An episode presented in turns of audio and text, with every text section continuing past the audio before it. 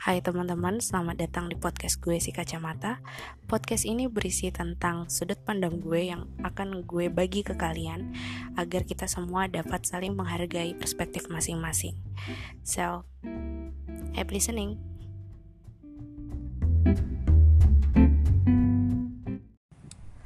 Hai semuanya, kembali lagi ke podcast kacamata episode entah episode keberapa ya, gue lupa karena emang udah lama banget nggak bikin uh, episode apa pun di si kacamata karena berbagai kesibukan, berbagai hal-hal yang mengalihkan perhatian gue dan untuk beberapa waktu ini gue emang fokus ke keluarga, fokus ke diri sendiri dulu deh.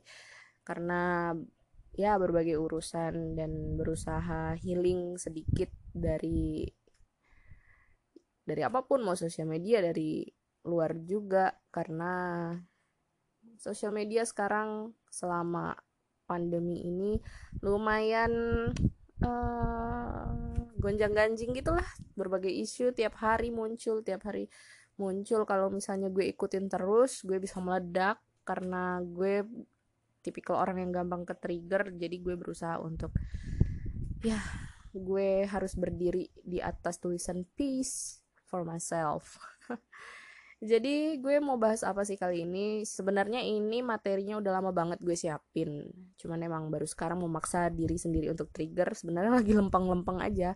Tapi ya udah mumpung nggak ada kerjaan juga uh, hari ini. Jadi gue mau bahas tentang insecurity yang di mana hal ini ternyata memang menjalar ke semua orang, siapa pun dia, laki-laki perempuan, mau jabatannya apa mau hebatnya kayak gimana atau mungkin merasa apa pun deh apa yang sudah dicapai pasti ngerasa ketika melihat orang lain pasti ngerasanya ah malu gue ngelihat diri gue sendiri gara-gara dia gitu kan.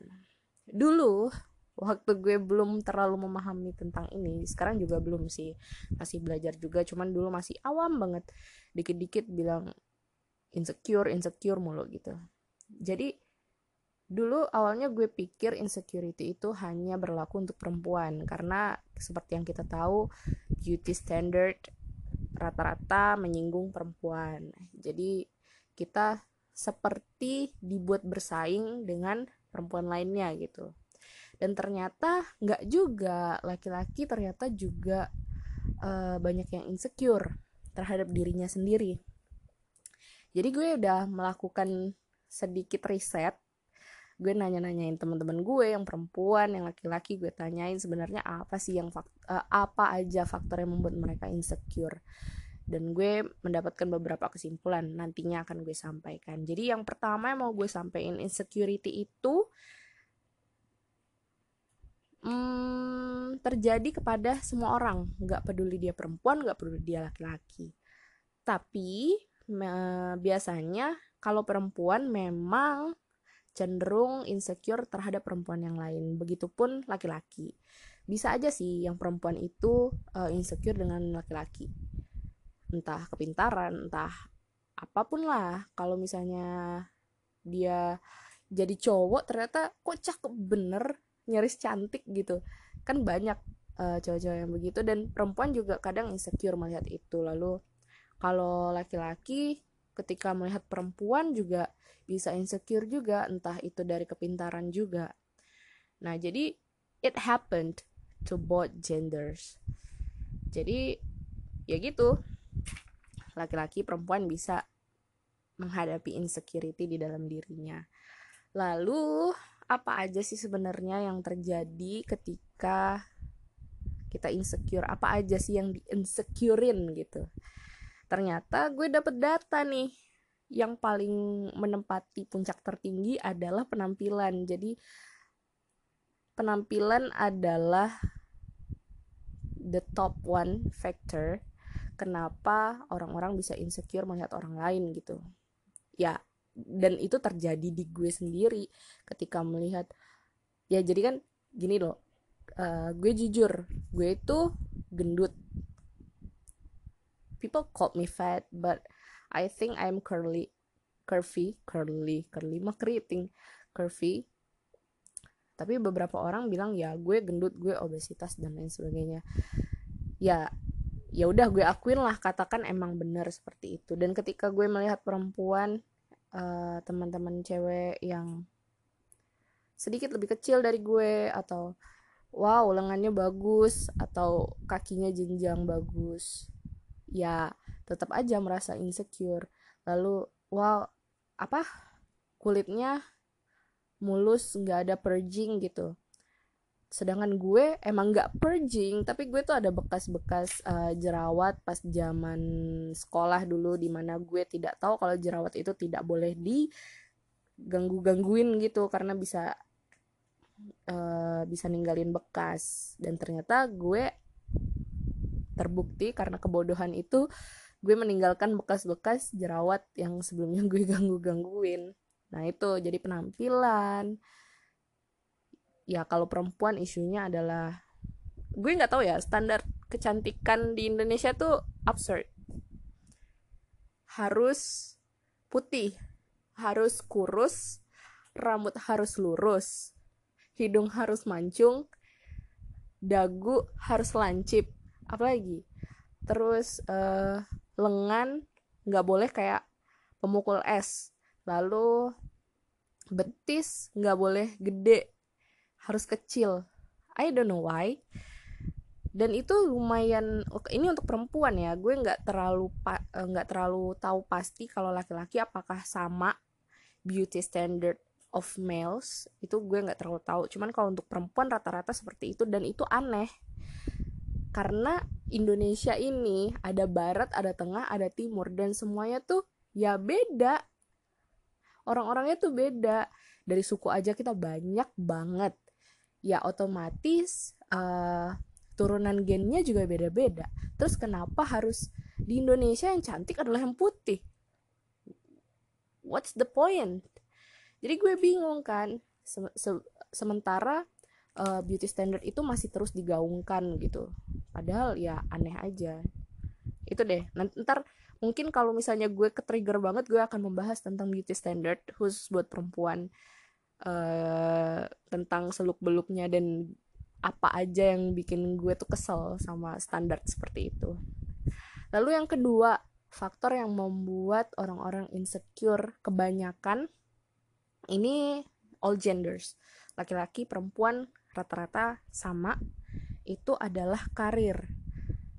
Ya, gue sendiri mengalami itu ketika gue melihat teman gue yang lain ternyata karirnya sudah alhamdulillah bagus kok gue stuck di sini ya? Atau kok gue nggak ada progres yang kelihatan banget ya? Ada sih progres tapi kok begini ya? Nah itu bisa bisa jadi kadang kalau gue udah terlalu kumat sampai anxiety gue mikir apa gue emang useless gitu di dunia sampai ngelihat orang-orang yang teman-teman gue yang sepantaran gue gitu kok pada sukses semua kok gue enggak? Atau belum atau emang enggak gitu? Kadang kalau insecurity itu udah muncul rasanya emang kayak gitu sih. Nggak tahu untuk kalian tapi untuk gue pribadi seperti itu. Lalu karena karir tadi otomatis kita melihat dari sisi ekonomi. Nah di situ adalah uh, faktor selanjutnya yaitu faktor keuangan finansial. Ketika ya gue melihat kalau finansial ini gue bisa minder ke yang cowok juga gitu ngelihat wow ternyata dia udah uh, ekonominya udah bagus atau yang teman-teman cewek gue uh, ekonominya udah baik banget. Kok gue segini-segini aja perasaan gue udah coba ini gue coba udah bekerja ini bekerja ini apa rezeki gue emang ditakdirkan sedikit atau gimana gue sampai mikir kayak gitu kan. Tapi ya gitulah. Ini namanya insecure kadang suka random. Lalu terus dari penampilan tadi ternyata mengakar. Penampilan ini ya termasuk tadi size. Ukuran kita ukuran bentuk tubuh kita sama bentuk tubuh orang lain aja bisa menjadi faktor insecurity sendiri gitu ya gue merasakan juga karena uh, intermezzo aja gue itu tidak pernah merasa gue kurus sejak umur satu tahun. But I'm not look like a Doraemon tapi lebih ke ya gue berisi terus dari dari umur setahun. Umur bulanan gitu sih kata emak gue ya karena gue sempet sakit-sakitan mulai mulai umur satu tahun sampai sekarang gue usia 26 itu tuh untuk yang ngerasa kurus yang menurut gue adalah goals selama 26 tahun ini tuh nggak ada. Gue tidak pernah merasakan itu. Ya mungkin ada kesalahan gue juga karena gue tidak mengatur asupan gue yang di mana gue sekarang baru mulai menyadari dan mulai uh, mengerti kalau gue harus mengukur asupan gue seperti apa sih. Bukan target gue kurus lagi tapi lebih ke ya gue nggak mau juga kena serangan jantung di usia muda. Yaudah itu uh, size ukuran tubuh.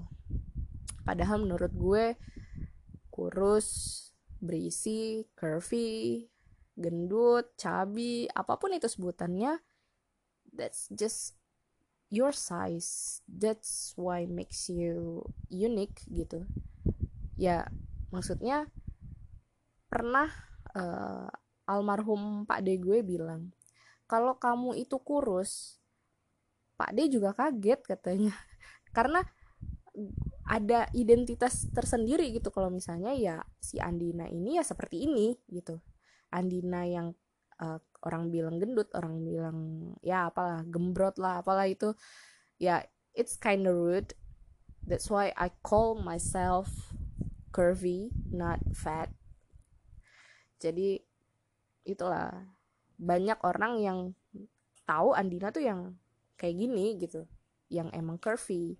Kalau kurus mungkin tidak ada yang menyadari atau bahkan kaget. Lalu Nah, setelah size itu ada prestasi orang lain. Nah, prestasi orang lain ini melibatkan semua gender sih. Gue aja ketika melihat prestasi temen gue yang cowok atau prestasi temen gue yang cewek, ya salut. Tapi kadang kalau mereka, gue tidak menyalahkan mereka mereka atas prestasi mereka ya itu karena usaha mereka tapi gue kayak kenapa mereka seber, seberprestasi itu ya apa gue bodoh gitu. Tapi ya balik lagi. Lagi-lagi itu gara-gara insecure hal, hal random yang sebenarnya harmless bisa memberikan efek yang beda ke kita ketika kita merasakan insecure. Lalu kecerdasan. That's the point. Uh, nggak nggak poin-poin juga sih. Maksudnya faktor salah satu faktor kecerdasan ketika kita ngelihat si A misalnya gue ngeliat si A ini pinter banget. Ini biasanya terjadi ketika sudah mau mulai fase masuk pendidikan SD SMP SMA kuliah. Dan gue merasakan itu. Cuman kalau untuk insecure dari kecerdasan gue pribadi I'm not saying that I am smart but I can say that I want to learn more and more. Jadi misalnya ya karena thank God gue ngerasa kalau gue gampang ke trigger manfaatnya salah satunya ya kepacu. Gue tuh kayak per kayak per gitu loh. Ditekan dikasih pressure bukannya insecure. Kalau ini dalam konteks uh, kepintaran dan sebagainya. Ketika gue ditekan dikasih tekanan dari siapa pun keluarga orang tua ngelihat temen kayak gitu gue bukannya ngedown gue malah kayak ditekan terus kayak per melontar gitu loh. Nah cuman waktu itu sekolah kuliah ya bisa lah tapi kalau untuk sekarang lebih ke ngelihat kecerdasan orang tuh dari sisi dia menjadikan diri dia berguna sebagai manusia. Because scores are nothing for me right now. Jadi gue merasa kalau tingkat kecerdasan orang bisa dilihat dari dia memperlakukan orang lain sih. Kalau untuk sekarang ya jadi ketika orang lain berbuat baik kok gue kok gue enggak gitu? Jadi gue terpacu juga sih sebenarnya. Ada sisi baiknya juga insecure ini ketika kita bisa memacu gitu dijadiin motivasi aja untuk beberapa aspek. Lalu yang terakhir pencapaian hidup. Pencapaian hidup ini the whole thing I guess kayak ya termasuk finansial, karir, um, mungkin ada yang mikir kalau pen, salah satu pencapaian hidup, hidup dia adalah mempunyai keluarga di usia 23 tahun, 24 tahun itu terserah, tapi pencapaian hidup itu kadang uh, apa ya? dijadikan faktor final dari sekian banyak faktor itu untuk meningkatkan tingkat insecurity kita. Jadi kalau kita pikir-pikir dan gue pikir pun pencapaian hidup orang itu nggak bakal waktunya nggak bakal sama. Mungkin kita start di line yang sama, tapi journey kita beda.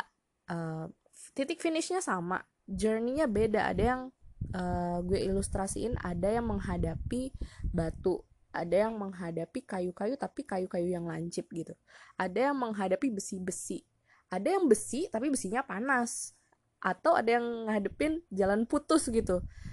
Ya gue merasa kalau pencapaian hidup ini mungkin mungkin di beberapa orang dijadikan faktor untuk uh, apa ya dijadikan pembanding untuk hidupnya. Maksudnya pembanding penca uh, pencapaian hidup orang lain adalah pembanding untuk pencapaian hidup dia padahal nggak bisa sih menurut gue. Ya itulah. Lalu menurut teman-teman gue yang sudah gue tanyain satu-satu kenapa faktor-faktor tadi bisa terbentuk? Pertama menurut mereka adalah kurang bersyukur dan gue menyadari itu juga. Semakin kita kurang bersyukur semakin kita merasa tidak cukup gitu. Dengan apa yang dikasih. Apa pun kepercayaan kalian yang kalian percayai ada yang memberi kalian uh, ketika kita tidak bersyukur akan hal itu ya rasanya kurang terus. Even God give you one million dollars maybe. Atau dikasih rumah gede yang harganya mm but ketika kalian tidak bersyukur atau kurang bersyukur ya harta yang dikasih itu juga tidak akan pernah cukup. Dan even you just have your breath. Kalian cuman punya nafas kalian nih. Ketika kalian bersyukurnya banyak ya kalian ngerasa nafas yang dikasih sama Tuhan itu lebih dari cukup. Buat apa? Ketika lu bernafas lu bisa bikin pencapaian-pencapaian di hidup lu. Lu bisa bikin pencapaian yang mungkin bukan standar orang lain tapi itu menu, uh, memenuhi standar lu. Dan ketika lu bisa mencapai tahap 1, 2, 3 berarti lu melakukan progress lu, lu keep moving gitu. Ya berarti lu hidup ya just imagine if you don't have any breath anymore Tuhan cabut nafas lu lu tidak akan bisa ngapa-ngapain gitu. Ya mungkin itu sebuah saran gue kalau yang pertama coba mulai bersyukur mulai uh, stay away from your insecurity by menyadari kalau kalian itu punya nafas. Sadari bernafas secara sadar. Kan sekarang kita tuh keseringan ya nafas kayak nggak disadari gitu loh. Kayak portable aja. Misalnya mikir hari ini nafas ah besok nafas juga. Padahal juga belum tentu. Ketika lu hari ini mensyukuri lu punya nafas besoknya lu bangun tidur alhamdulillah gue bernafas bersyukur kepada Tuhan gue bernafas. Ya lu bakal ngefek perbuatan lu yang satu itu yang kecil yang lu, anggap itu kecil itu bisa berdampak besar di kegiatan lu selama satu hari itu gitu. Sok-sok bijak banget tapi gue sudah membuktikan itu ketika gue sudah menyadari kalau gue ini bernafas sebagai manusia. Ya kerjaan apa pun misalnya cuman nginem di rumah karena gue lagi hiatus dari kerjaan gue apa cuman bersih bersih ya gue bersyukur karena gue bisa bersih bersih karena gue bernafas. Gue bisa olahraga karena gue bernafas. Gue bisa mengatur pola makan gue hari ini karena gue bernafas gitu. Ya jadi hal kecil yang sering kita lupain adalah menyadari kalau kita dikasih nafas sih. Ya itu intermezzo yang sangat panjang. Lalu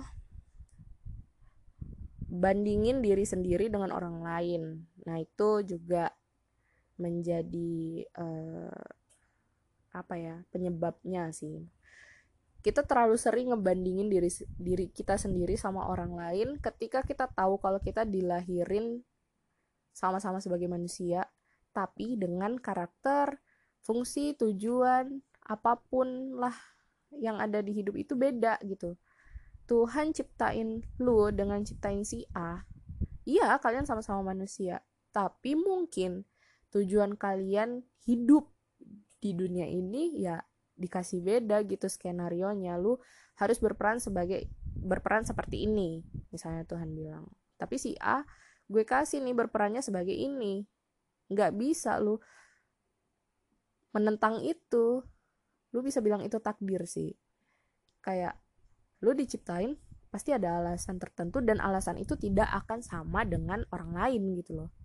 Gue Andina hidup di dunia dikasih sama Tuhan tujuan gue mungkin bukan untuk menjadi presiden atau memimpin negara ini atau memimpin wilayah uh, kota atau misalnya gue bukan ditakdirkan untuk menjadi perawat atau di, bukan ditakdirkan untuk menjadi arsitek pun walaupun gue kuliah seba, uh, di arsitektur. Tapi ketika gue tidak ditakdirkan sebagai arsitek ya sudah berarti jalan gue adalah yang lain. Stop membandingkan diri sendiri wow I'm so wise. I I should be proud of myself. Lalu penyebab yang lain adalah pikiran kita itu selalu negatif ke diri sendiri. Ya pernah kalau kalian pernah dengar uh, kita harus positive thinking kita harus kita nggak boleh kurang-kurangin negative thinking. Beberapa orang mungkin ngedengar itu ketika sedang insecure adalah saran yang toxic. Tapi ketika coba lu udah menghilangkan insecurity lu lalu lu berpikir lagi oh ternyata bener. Afirmasi. Lu pernah denger kan omongan itu adalah doa. Jadi nggak selamanya doa adalah doa terus gitu. Maksudnya doa memang adalah doa tapi ketika kita ngomong juga itu bisa jadi doa. Makanya kita di diminta disarankan untuk berpikir positif memberi afirmasi positif ke diri sendiri. Um, gue ngerasa untuk sekarang untuk sekarang ya karena gue masih seumuran ini gue masih muda gue 26 masih muda banget. Terus gue cantik gue pinter. Itu bukan sombong. Karena gue tidak perlu um, showing off kayak gitu sih. Itu hanya contoh aja. Gue merasa gue pinter gue merasa gue cantik. Ya udah berarti yang harus dilakukan setelah itu ada bersyukur udah dikasih skill udah dikasih kemampuan. Kalau kita memberikan afirmasi negatif setiap setiap hari ketika lu mengerjakan sesuatu dan salah lu langsung bilang ah gue goblok gitu. Atau ketika lu melihat orang lain mungkin di benak lu adalah mereka lebih baik dari lu lu ngerasa lu hina gitu nggak bisa gitu juga. Ketika lu merasa lu hina itu ibaratnya kayak semesta itu akan mengabulkan kata-kata lu. Dari yang lu anggap cuman selewat kata doang ah gue hina. Ternyata diaminkan sama semesta lu menjadi hina selamanya mau gimana? Jadi ya itu sih adanya husnuzon di agama Islam uh, Tuhan itu sesuai dengan prasangka umatnya ya memang benar ketika lu berprasangka baik dapatlah lu hal baik. Ketika lu berprasangka buruk terus ya yang lu yang lu dapat juga hal buruk. Jadi ya coba uh, arahkan afirmasi kalian ke yang positif positif aja deh. Lalu penyebab yang lain butuh atensi dan validasi. Biasanya seperti itu sih. Ironisnya sih butuh atensi, butuh perhatian, butuh validasi kalau lu ada. Padahal menurut gue pribadi hmm, validasi itu perlu tapi bukan validasi dari manusia gitu loh. Atensi juga perlu tapi bukan atensi dari manusia. Gue ngerasa kalau kita hidup mencari atensi dan validasi yang lebih besar lagi energinya dari manusia. Ya whatever you name it I I call it God Tuhan Allah gitu. Ya gue butuh validasi dan butuh atensi dari dia bukan bukan dari orang-orang. Jadi semakin kita butuh atensi dari yang lebih besar dari kita yang bukan manusia ya gue rasa kita makin santai aja ngejalanin hidup karena merasa kita sudah diperhatikan sama Tuhan gitu. Kalau gue ya tapi ketika kita butuh atensi dan validasi dari sesama manusia yang nggak ada habis-habisnya ngerasanya kurang terus. Apalagi kalau misalnya kalian posting sesuatu pasti orang walaupun ketik nggak ngetik pasti ngejudge kalian tapi kalau kalian berbuat sesuatu cuman untuk meminta rahmat Tuhan minta diperhatiin sama Tuhan ibaratnya lu tidak akan mendengarkan judge apa pun dari Tuhan. Jadi gue ngerasa ya memang betul kita butuh atensi dan validasi tapi subjeknya yang kita ganti gitu. Kita butuh validasi dan atensi dari siapa dulu. Kalau dari manusia ya kurang-kurangin tapi kalau kita minta validasi dan perhatian dari Tuhan ya why not? Sering-sering berbuat baik aja kan syaratnya. Tidak harus menjadi sempurna tapi berbuat baik aja. Coba kalau sama kalau kita minta atensinya sama manusia you have to be perfect to get their validation. It's it's tiring you know melelahkan banget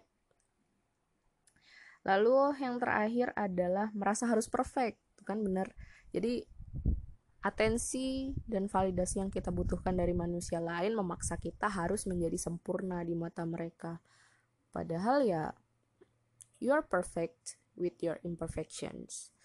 Jadi kita semua itu sempurna, tapi dengan mengakui ketidaksempurnaan kita karena siapa sih manusia? Kita nih siapa sih?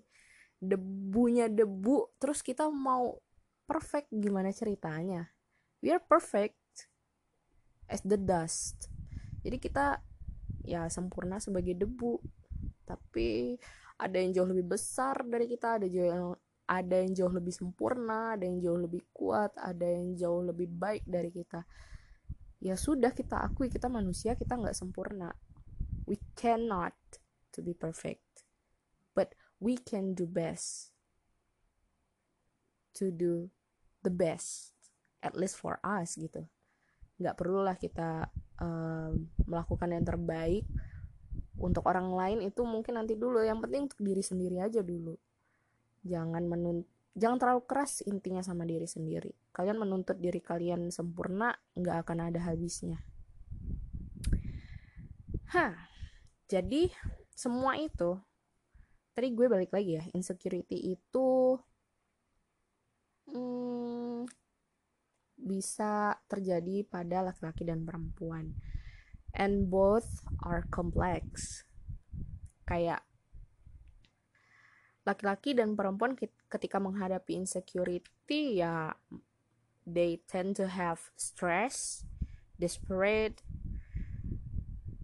the riot mental health, frustration yang ya segala macam penyakit kejiwaan akhirnya bisa masuk gitu ke kita-kita yang terlalu memanjakan insecurity ini gitu loh. Kita terlalu keras sama diri sendiri kita tidak mendengarkan diri sendiri. Ada kecenderungan mendengarkan orang lain ada kecenderungan membandingkan diri sendiri dengan orang lain. Hal-hal yang tidak perlu mungkin sebenarnya tapi karena kita memanjakan insecurity tadi akhirnya muncullah stres muncullah depresi muncullah penyakit mental yang lain gitu yang efeknya nggak ke orang lain yang kita bandingin tapi ke diri kita sendiri jadi yang ada ketika lu udah mengalami stress, desperate, the riot mental health, frustration, you will face the damage. Not to the whole life, maksudnya nggak untuk semua orang juga, tapi damage-nya bakal ada bakal muncul di lu sendiri gitu. Dan yang sakit juga lu, nggak enak. Lalu jadi yang tadi segala macam penampilan, karir, keuangan dan lain-lain itu yang faktor-faktor insecurity itu menurut gue semuanya adalah konstruksi sosial yang absurd yang dibentuk bukan dengan sebuah sistem gimana ya? Jadi konstruksi sosial menurut gue adalah konstruksi yang dibuat oleh subjek-subjek ya otomatis sifatnya subjektif gitu. So the social construction it's not a perfect standard. And because people it so people means human human means imperfect. So the social construction is imperfect in many ways karena subjektif sih. Jadi ya kita tahu kalau itu ada tapi bukan untuk dijadikan acuan because it's tiring you. So if that individual is in the condition what will they do? Kalau seseorang lagi ada di kondisi insecurity seperti itu mereka cenderung ngapain? Hmm. Ini sounds cliche tapi ya semoga aja bisa diambil pelajarannya. Giving the positive affirmations to themselves. Jadi gini gue mikir ketika kita insecurity kita tidak bisa menuntut orang lain untuk menghilangkan insecurity kita sendiri. Jadi it's your insecurities so it's your responsibility gitu. Ya lu bertanggung jawab atas insecurity diri lu sendiri gitu. Jangan menuntut lingkungan atau menyalahkan lingkungan padahal lingkungan juga nggak tahu apa-apa mengenai apa yang lu rasakan. So itulah kenapa gue bilang berulang-ulang jangan terlalu keras sering-sering dengerin diri sendiri. If if you in yourself say no or say they are tired just take a break gitu. Jangan terlalu dipaksain. Harus seperti yang publik mau. Karena nggak ada gunanya juga. Lalu use another person whom you being insecure about as your motivation not to beat them. Jadi ketika lu melihat misalnya gue melihat si A wow so perfect for me and I have to be perfect like her or like him itu kita berusaha buat ngalahin dia gitu. Padahal dia juga nggak salah. Dia tidak pamer apa pun ke kita. Kitanya aja yang insecure di situ. So saran gue adalah ya jadiin mereka motivasi aja. Misalnya ketika gue melihat orang yang fit badannya ketika gue lagi segemuk ini. Gue jadiin mereka bukan bukan goals gue tapi gue melihat value-nya mereka sebagai manusia. Misalnya mereka mereka fit seperti itu karena mereka olahraga. Olahraga seperti apa sih yang mereka lakukan?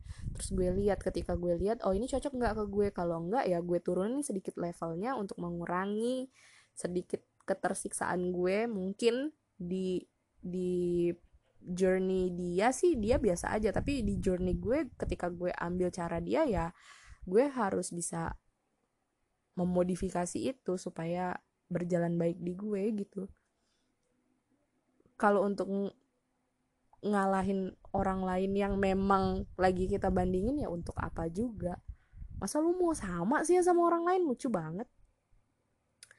Lalu yang ketiga being grateful for everything that universe gave to you. Itu bener.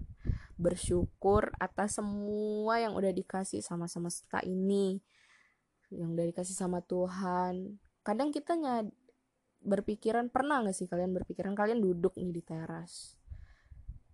You saw so many trees out there.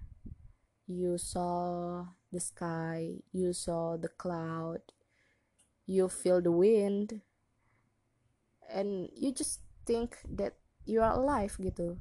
Lu cuman mikir alhamdulillah gue masih hidup gitu gue bisa melihat pohon-pohon gue bisa melihat langit yang cerah yang mendung. Pas malam gue bisa lihat bintang lihat bulan. Terus gue bisa ngerasakan angin sejuk gitu di teras. Lu duduk aja diem jauhin handphone lu. Lu ngerasain itu dulu deh. Then you will feel grateful for everything. Kenapa gue bisa ngomong kayak gitu? Karena gue sudah mencoba dan gue sudah mm, menjalani itu.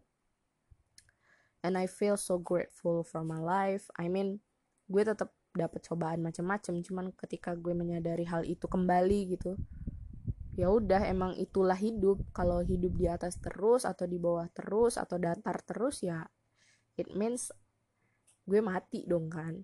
Tapi kalau gue menyadari ya gue dikelilingi oleh pohon-pohon gue masih dinaungi sama langit gue bisa biasa dilewati sama angin. Ya gue ngerasa oke okay, that's life. You you will get ups and downs and it means you're alive gitu. And uh, ini cuman saran pribadi gue karena gue sudah mengalami jadi beberapa bulan ini gue meditasi kalau kalian pengen tahu gue meditasinya seperti apa tuh banyak macem. Jadi gue dijelasin macem-macem lah sama my online guru. Uh, shout out to kak Aprisi Alita. IG-nya itu PC Yoga. Kalian bisa cek. Terus podcast yang sering gue dengar untuk latihan gue itu PC podcast. Peace yang damai. Si laut podcast gitu PC podcast. Gue latihan sama beliau secara online karena ya kalau gue ada rezeki gue bakal private sih.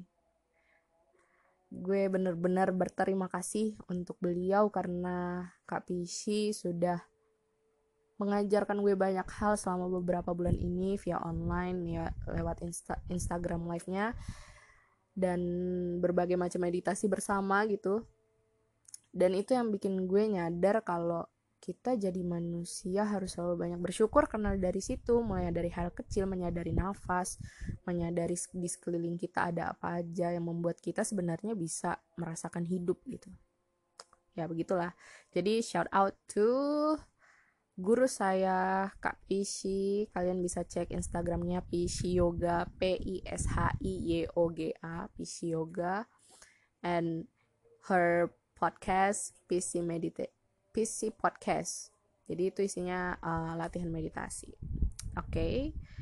lalu apa lagi ya? Oh yang terakhir motivate yourself like we have our timeline in life. We have our own timeline in life. Masa lu dan masa orang lain beda-beda. Itu sih gue lanjutin ya karena tadi sedikit ada problem. So, tadi udah kalau kita sedang menghadapi insecurity itu kita harus gimana kurang lebihnya? Lalu sekarang if our close people are insecure what will we do? Kalau kita tahu orang sekitar kita teman lu saudara lu lagi insecure kita harus gimana? Cuman dua menurut gue tell them about their goods so they will be grateful. Jadi kita yang mencoba memberi afirmasi positif. Ya, toxic positivity itu ada kemungkinan ke sana, cuman ya namanya usaha ya. Kita kasih tahu pelan-pelan kalau teman kita, saudara kita tuh punya juga kelebihan, nggak semuanya kekurangan gitu. So they will think, then they will be grateful for that gitu.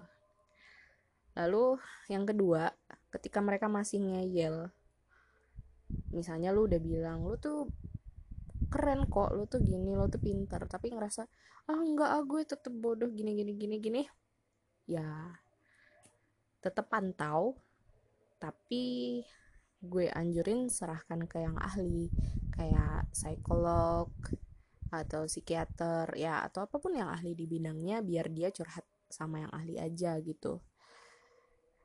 Ya sedikit apa ya sedikit nggak peduli kelihatannya tapi sebenarnya kita juga mantau dengan cara kita uh, mengajak dia untuk ngomong ke ahlinya ya kita juga udah menolong mereka. So the solution I think beat the social construction. Jadi kita kita nggak perlu beat terlalu kuat sih karena social construction selalu ada. Jadi ya setidaknya kita stay away atau jaga jarak dari social construction because it's tiring I guess for me at least. Setelah kalian bisa mengalahkan atau setidaknya menarik diri dari fokus kalian ke konstruksi sosial itu so you can accept yourself being acceptance it's I think it's important for us to to being grateful sih sebenarnya. Kita menerima apa yang udah dikasih nerimo gitu. Kita dikasih cobaan kita bersyukur berarti kita lagi diperhatikan. Kita dikasih berkah ya bersyukur karena kita juga lagi diperhatikan gitu. Kita dikasih kelebihan di sisi A ya alhamdulillah berarti Tuhan mempercayakan kemampuan itu ke kita tapi ketika kita punya kekurangan juga alhamdulillah berarti kita diminta untuk tidak terlalu sombong karena kita punya kekurangan juga So, the acceptance to yourself, it will make you feel grateful and it will lead you to feel happiness. Gue inget kata-kata temen gue.